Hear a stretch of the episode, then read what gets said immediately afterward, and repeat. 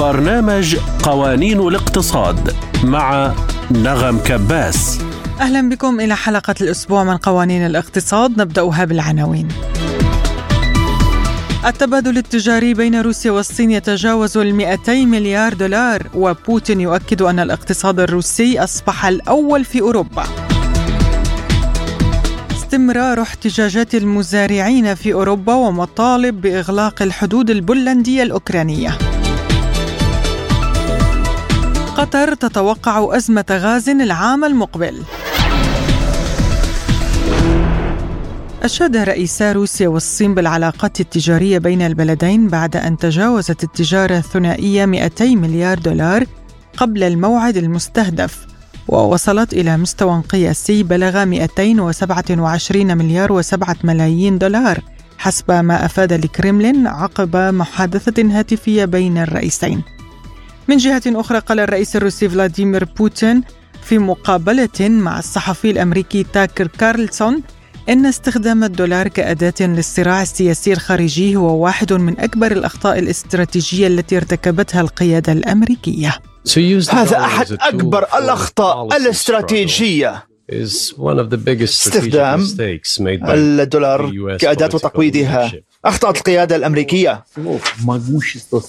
الدولار هو أساس الأسس الكبرى لقوة الولايات المتحدة الأمريكية. أعتقد أن الجميع يفهموا بشكل جيد أنه مهما تم الطباعة من الدولارات فإنها تنتشر حول العالم هذه الدولارات. فيما يبقى التضخم في الولايات المتحدة منخفضا. 3 4% هذا الأمر مقبول تماما بالنسبة للولايات المتحدة. It's about 3 or 3.4%, which is, I think, totally acceptable for the US. But they won't stop printing. ولكنهم لا يتوقفون عن الطباعة 3 trillion dollars tell us about. ما الذي يخبرنا عنه دين عام 33 تريليون دولار ما إن اتخذت القيادة الأمريكية اتخاذ الدولار كأداة في حربها السياسية قامت في هذه اللحظة بتقويض قوتها نفسها تقويض القوة الأمريكية A blow was dealt to this American power. I would not like to use any strong language. لا أحب أن أستخدم كلمات بذيئة ولكن هذا أغبى ما يمكن القيام به وخطأ كبير وجسيم للغاية الجميع ينظر إلى ما يحدث حول العالم. حتى حلفاء الولايات المتحدة الآن يخفضون من احتياطاتهم بالدولار. الجميع يبدأون بالبحث عن سبل لحماية أنفسهم. ولكن الواقع الولايات المتحدة تقوم بإجراءات restrictions on transactions, freezing assets. يخشون بأن تقوم الولايات المتحدة بتجميد أصول بعض الدول. هذا إنذار وخطر على العالم كله. ماذا لدينا هنا؟ 2022, about حتى عام 80% of 2022 كان Russian 80% من التجارة الخارجية الروسية تبقى بالدولار واليورو. هكذا كان يتم التبادل التجاري. نحو 50% من الدولار. كنا نتعامل به مع الدول الأخرى. الآن خفض هذه النسبة إلى 13% لسنا نحن من منع استخدام الدولار الأمريكي. We had no such intention. لم يكن لدينا كذلك هذا كان قرارا أمريكيا للحد من تعاملنا بالدولار ومنعنا من ميزان سويفت. أعتقد أن هذا أمر غبي للغاية فيما يتعلق بمصالح الولايات المتحدة نفسها ومصالح دفع الضرائب. هذا يضر بالاقتصاد الأمريكي ويقوض القوة الأمريكية حول العالم. وأكد بوتين أن الاقتصاد الروسي أصبح الأول في أوروبا العام الماضي رغم العقوبات وأن الاقتصاد الصيني الأول عالميا من حيث become the الاقتصاد الصيني the الاقتصاد رقم واحد في العالم. In terms of volume, it overtook من حيث الحجم. تجاوزت الولايات المتحدة آه، منذ فترة طويلة. وأيضا هناك الهند. مليار. ونصف مليار شخص. وبعدها هناك اليابان. وروسيا في المركز الخامس. روسيا كانت الاقتصاد الأول في أوروبا في العام الماضي رغم كل العقوبات والتقييدات? هل هذا أمر طبيعي؟ من جهة النظام الأوروبية؟ being cut off from Swift uh, services. منع منعتمونا من التصرف آه، عن طريق السويفت والتعامل بالدولار وفرضهم عقوبات على سفننا وحاملة النفط وضد رحلاتنا الجوية على كل شيء فرضتم علينا عقوبات في كل الأمور. الكثير أكبر كم من العقوبات تم تطبيقه هي العقوبات ضد روسيا. صرنا الاقتصاد الأوروبي رقم واحد. رغم كل ذلك. ألا يمكنكم أن تفكروا؟ الأدوات للاستخدامات المتحدة لا تنجح. عليكم أن تفكروا بما يجب أن تقوموا به. في حال وصل ذلك الفكرة إلى النخبة الحاكمة لديكم فلربما الرئيس لديكم سيتصرف وفقا لناخبيه لقرار ومصالح ناخبيه وهذه النخبة. وحينها لربما ستتغير الأمور. لمناقشة هذا الموضوع تنضم إلينا عبر الهاتف الخبيرة المصرية في الشؤون الصينية والآسيوية وأستاذة العلوم السياسية في جامعة بني سويف الدكتورة نادية حلمي. أهلا بك دكتورة في برنامج قوانين الاقتصاد ونبدأ من تجاوز التبادل التجاري بين روسيا والصين ال 200 مليار دولار ما أهمية ذلك برأيك؟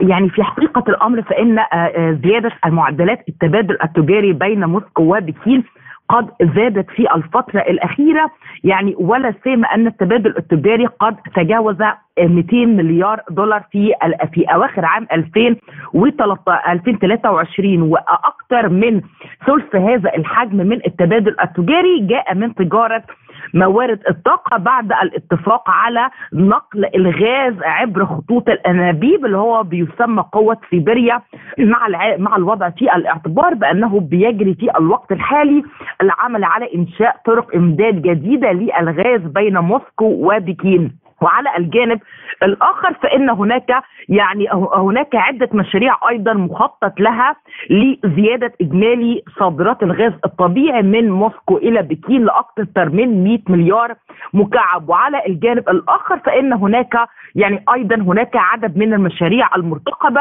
يعني آه، بتصب أو بتعزز التعاون الروسي آه، الصيني لمستوى نوعي جديد.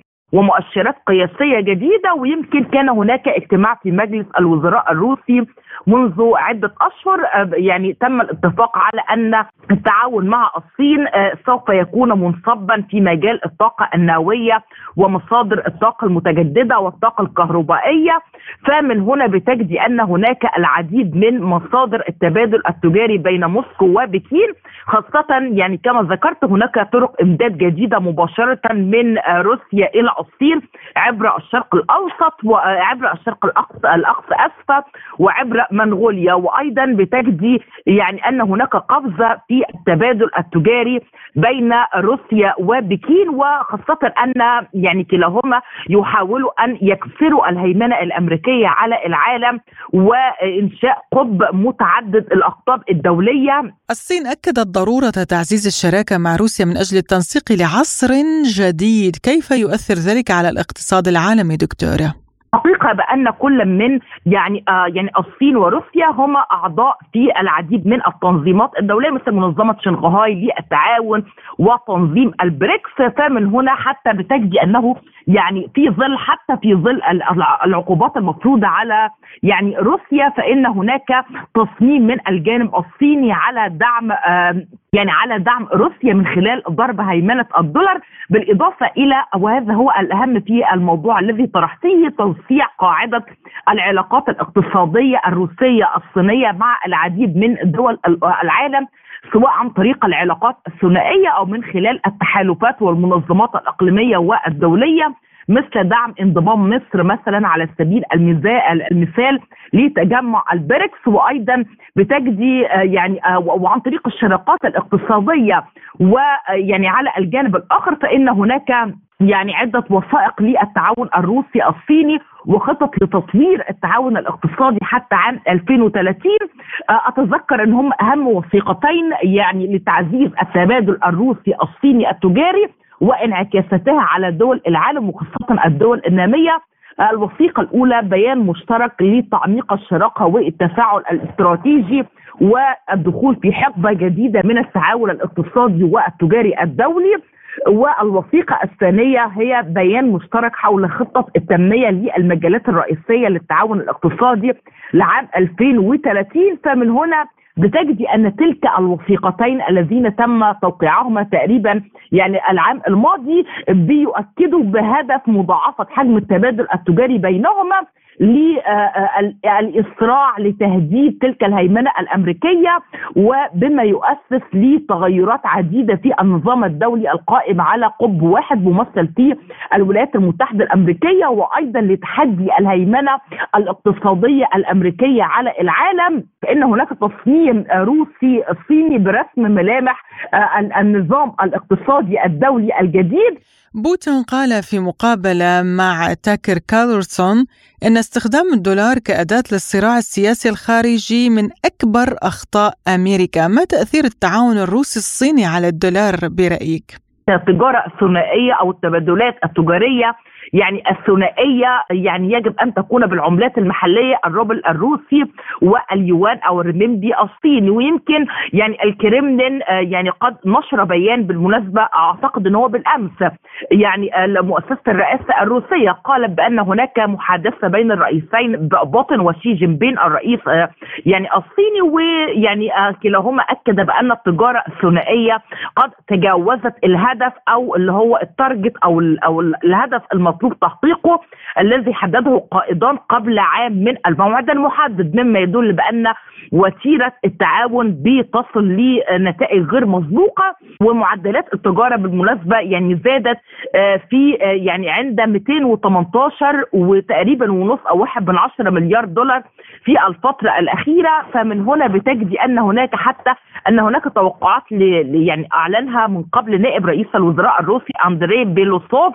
أكد بان بأنه بحلول عام 2030 آه، سوف يصل مستوى حجم التبادل التجاري بينهما إلى 300 مليار دولار فمن هنا بتجدي أن هناك يعني يعني يعني تصميم وثقة من الجانبين الصيني والروسي بأن يكسروا هيمنة الدولار على العالم من خلال زيادة معدلات التبادل التجاري بينهما.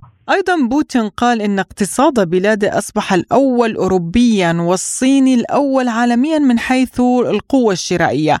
ما تأثير ذلك على الحلفاء خاصة في الدول العربية دكتورة؟ آه، يعني على الجانب يعني بتجدي على المستوى الاقتصادي والسياسي. لو يعني خدناها أو حتى على المستوى الخارجي على المستوى الخارجي هناك قواسم مشتركة ما بين روسيا والصين وتوافقات استراتيجية وأيديولوجية مشتركة بينهما من بينها رفض القطب رفض سياسة القطب الواحد أو الأوحد المهيمن في النظام العالمي.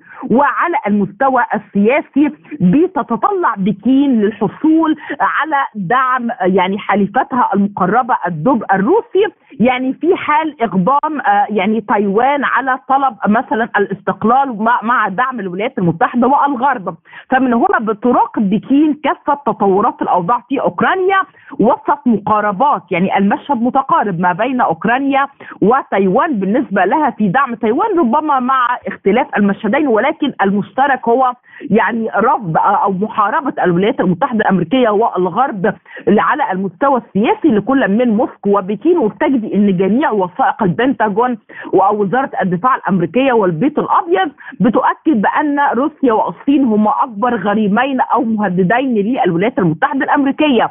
وعلى المستوى الاقتصادي بتجدي أن هذا الدعم المتبادل بينهما يعني الغير منقطع النظير من أجل ضمان الوصول الصيني إلى كافة السلع والموارد. يعني الروسيه بأسعار مخفضة وخاصة النفط والغاز الطبيعي باعتبار أن موسكو تعد من أكبر الاحتياطيات في العالم مع يعني في هذا الإطار ومن هنا بتجدي أن هناك يعني آه يعني آه يعني السؤال الذي آه الولايات المتحدة الأمريكية بتطرح السؤال هل هما صديقين أم أم حليفين؟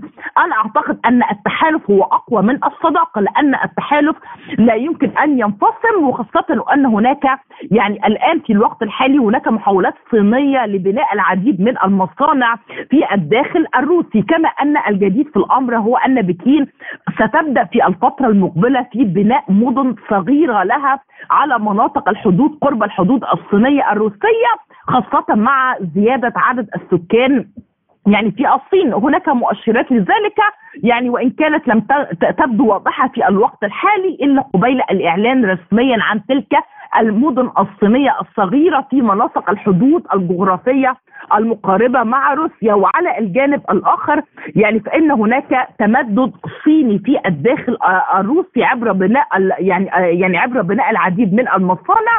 الخبيرة المصرية في الشؤون الصينية والآسيوية وأستاذة العلوم السياسية في جامعة بني سويف الدكتورة نادية حلمي. كنت معنا عبر الهاتف. شكرا لك على هذه المداخلة. بدأ المزارعون الإيطاليون زحفهم بجراراتهم إلى روما في حملة ستستمر ستة أيام. في إطار احتجاج مزارعي الاتحاد الأوروبي على غلاء الوقود والسماد وكلفة الإنتاج بعد العقوبات ضد روسيا. ويعتزم المزارعون إشراك ممثلي القطاعات الأخرى في الاحتجاجات مطالبين الحكومة بالانسحاب من جميع المعاهدات الدولية والأوروبية التي تقتل القطاعات الزراعية والصناعية في البلاد. ويواصل آلاف المزارعين في دول أوروبية بينها ألمانيا وفرنسا وبلجيكا وإسبانيا وإيطاليا وبولندا ورومانيا وغيرها احتجاجاتهم على تسهيل الحكومات دخول المنتجات الزراعية من أوكرانيا دون فرض جمارك عليها بينما يختنق المزارعون بالقواعد الأوروبية وقواعد الحفاظ على المناخ مما جعل منتجاتهم أغلى من تلك القادمة من أوكرانيا. حول هذا الموضوع قال المحلل الاقتصادي الدكتور ممدوح سلامة لقوانين الاقتصاد أعتقد أن ارتفاع أو ازدياد نعم. آه الاحتجاجات في فرنسا والاتحاد الأوروبي مردها إلى ارتفاع أسعار الطاقة والأسمدة والمواد الزراعية بمعنى ارتفاع كلفة إنتاج المواد الزراعية المزارعون لا يتحملون هذه الزيادة. في وقت الاتحاد الأوروبي ينفق مئات المليارات من الدولارات على شكل أسلحة أو مساعدات مالية على أوكرانيا، الاتحاد الأوروبي ليس له أي مصالح حيوية في أوكرانيا وبالتالي هم مدفوعون أو بضغط من الولايات المتحدة لهذا الدعم هذا الدعم يمكن أن ينفق على تخفيف حدة كلفه الإنتاج الزراعي في بلد مثل فرنسا على سبيل المثال التي تشكل الزراعة وصادرات الزراعة جزءا كبيرا من ناتجها الإجمالي. وعما ستؤول إليه الأمور بعد إغلاق الحدود مع أوكرانيا قال سلامة هذا حادث في الواقع وقد أغلقت بولندا حدودها مع أوكرانيا سابقا. هذا يدل على أن الدعم البولندي عن طريق الناتو والولايات المتحدة إلى أوكرانيا هو دعم سطحي بمعنى أنه عندما يمس الأمر مصالح بولندا الزراعية أو الحيوية أو أي أو مصالح الطاقة فانها تتحول إلى منافس إن لم يكن إلى معارض وعدو لأوكرانيا. حان الوقت أن يفاوض الغرب على نزاع أوكرانيا لأن هذا النزاع في رأيي قد انتهى. القوات العسكرية اليوكرانيه والقوى الغربية التي تدعمها لن تستطيع أن تغير ميزان القوى على الحدود بين روسيا وأوكرانيا. فبالتالي نستطيع أن نقول أن الحرب أو النزاع في أوكرانيا قد حسم لصالح روسيا لأنه إذا لم تسيطر روسيا كلية على الموقف العسكري هناك سيكون هناك حرب نووية. فالأفضل أن تجرى مفاوضات بين الولايات المتحدة وروسيا وحلف الأطلسي لحل الأمر بالطرق السلمية وترجو مما يرضي مطالب روسيا الأساسية وهي تحييد آه، أوكرانيا إبعادها عن حلف الأطلسي وأن تبقى دولة مستقلة تتمتع بكل الحقوق الاقتصادية مع الاتحاد الأوروبي دون أن تكون ذنبا أو عميلا للاتحاد الأوروبي والولايات المتحدة. وأكد سلام أن المزارعين سيضغطون على الحكومات للعودة لموارد الطاقة الروسية. هذا صحيح وأنا قلت قلت دائما أنه عندما تجري تسوية الأزمة في أوكرانيا سنجد أن الاتحاد الأوروبي سيعود من جديد إلى شراء النفط الروسي المرسل عبر الأنابيب.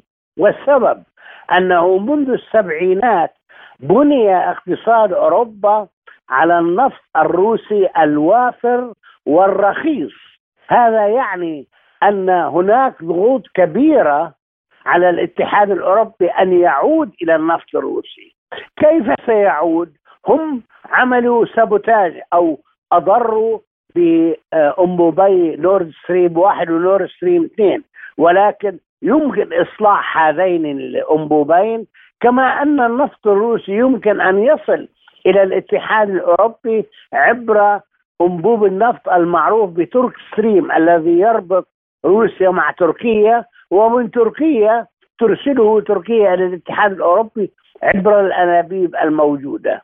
آه الأمريكيين لن آه يقبلوا بذلك وسيجبرون الاتحاد الأوروبي على الاستمرار في شراء الغاز السائل الأمريكي بأسعار تصل إلى ثلاثة أو أربع مرات من الأسعار الذي تبيعه أمريكا لمواطنيها هذا يعني أن واردات الاتحاد الأوروبي للغاز السائل من الولايات المتحدة قد أصبح عبئا ماليا ضخما على الاتحاد الأوروبي. والدليل على ذلك أن اقتصاد الاتحاد الأوروبي في عام 2023 نما ب 0.6% يعني آه، فوق فوق الصفر. وهذا العام سينمو بنسبة 1% هذا شيء ضار جدا في الاتحاد الأوروبي ولكن السياسيين يخضعون لضغوط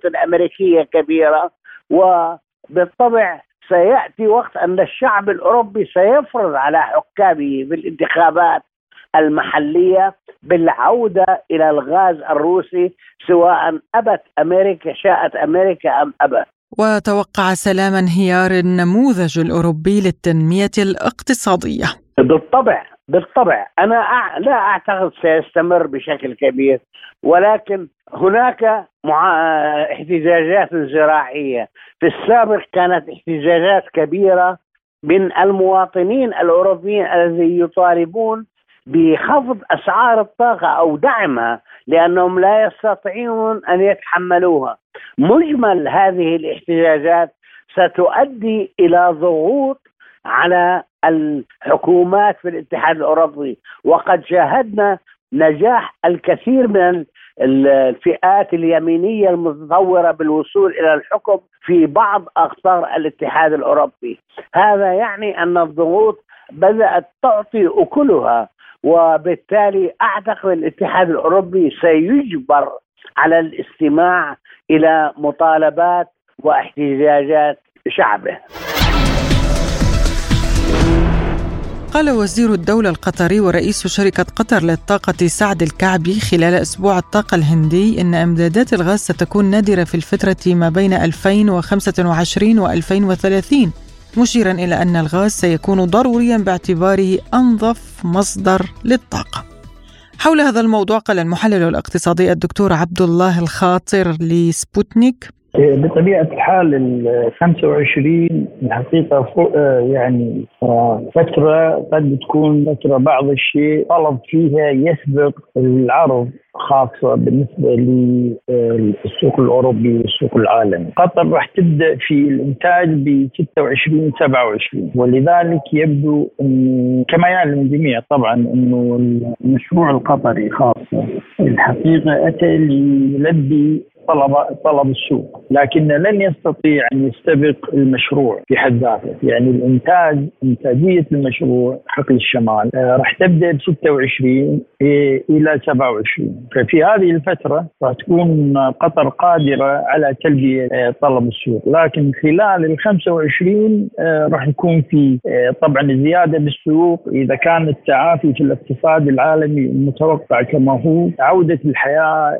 احتمال عودة الاقتصاد خاصة لمساراته الطبيعية ولذلك توقع النمو وتوقع الحاجة الكبيرة بالنسبة للطاقة. ليس هناك في في 25 آه، ما ينم عن القدرة القدرة الاستيعابية بالنسبة للمنتجين من زيادة ولذلك 25 آه، قد يكون من السنوات بعض شيء صعبة على السوق خاصة بالنسبة للطاقة النظيفة. لكن 26 27 آه، التوسعة القطرية راح تكون آه، تمت وخاصة بالنسبة لترينز ولذلك آه، أيضا بالنسبة للعمليات التشغيلية خاصة في التوسعة بالنسبة للناقلات وحضور ناقلات واستتباب الأمر لأنه مشروع كبير الحقيقة وفي طلبية لقطر. قد تصل إلى 100 إلى 150 ناقله وهذا كله يحتاج الكثير والكثير من آه، الجانب الإجرائي التنفيذي خاصة لاستتباب الأمر. ولذلك 25 قد تكون من السنوات الصعبة. وتوقعي إنه آه، وزير الطاقة يتحدث عن منعرج خاصة في 25 وعن تأثير غياب الغاز الروسي على السوق العالمية أضاف الخاطر بطبيعة الحال حقيقة آه، هذا الغياب الغاز الروسي والطاقة النظيفة وخاصة بالنسبة لأوروبا وكان في طبعا آه، المشروع الأول طبعا 1 والمشروع الثاني اللي كان قريب على الإنتاج أيضا Stream 2 طبعا كان في تدخل من الولايات المتحدة إيقاف Stream 2 كان في دفع كبير ومن ثم بعد ذلك تم طبعا تفجير آه، الخطوط ولذلك هذا احدث صدمه كبيرة بالنسبة لأوروبا ورفع التكاليف على أوروبا وأحدث الحقيقة إعادة هيكلة لسوق آه، الطاقة الأوروبي. خاصة بعد الاعتماد على الأنابيب أصبح يعتمد على أيضا الآن الغاز المسال ومحطات الغاز المسال وهو الآن يستقبل الغاز المسال من الولايات المتحدة وسيبدأ بدأ يستقبل وسيستقبل أكثر طبعا الغاز القطري والمسال والناقلات ولذلك الأثر الكبير خاصة بالنسبة لغياب الغاز الروسي له أكبر الأثر الحقيقة في إعادة هيكلة السوق العالمي بالنسبة للطاقة بعد إن كانت تعتمد آه، في جزء منها على الأنابيب أصبحت آه، تعتمد بشكل أكبر على الناقلات وعلى الغاز المسال. وهذا طبعا آه، يعني في الحالة مثل هذه يدعم الغاز المسال ويدعم مشاريع مشاريع الغاز المسال بشكل عام. وأيضا قد يؤسس لسوق تعتمد المبيعات الآنية بما أن الناقلات أصبحت متوفرة. العرض والطلب سيأخذ أشكال تختلف مع مرور الوقت ووجود فائض في إنتاج الغاز آه، المسال. سيمكن هذا من إيجاد بورصات وإيجاد أيضا أسواق وعقود مستقبلية وينوع أيضا آه، سوق الطاقة وخاصة سوق الطاقة النظيفة لأنه آه، ناقلات تملك المرونة للتسليم في أي وقت حسب الطلب. وبخصوص التدابير التي يمكن أن يتخذها كبار مصدري الغاز لتجنب أزمة طاقة أضاف الخاطر؟ الحقيقة في الأساس اللي هو يعني الحديث لابد يكون عن أمن الطاقة العالمي وأمن الطاقة العالمي يمر في قنوات التفاهمات إيجاد نظام عالمي متوازن يمكن الجميع الحقيقة يمكن عودة الاقتصاد العالمي أيضا للمفهوم الأساس وهو العولمة ولذلك قدرة آه، كل دول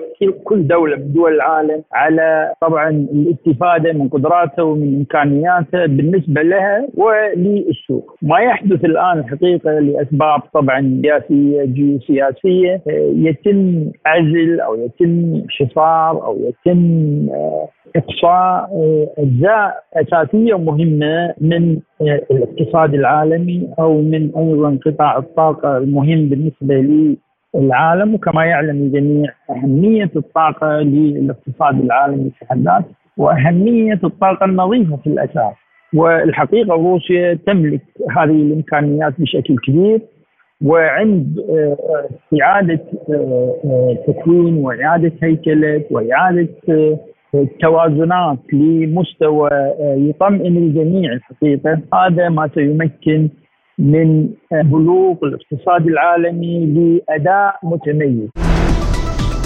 نهاية حلقة هذا الأسبوع من قوانين الاقتصاد. كنت معكم فيها من سبوتنيك في موسكو. أنا نغم كباس. إلى اللقاء.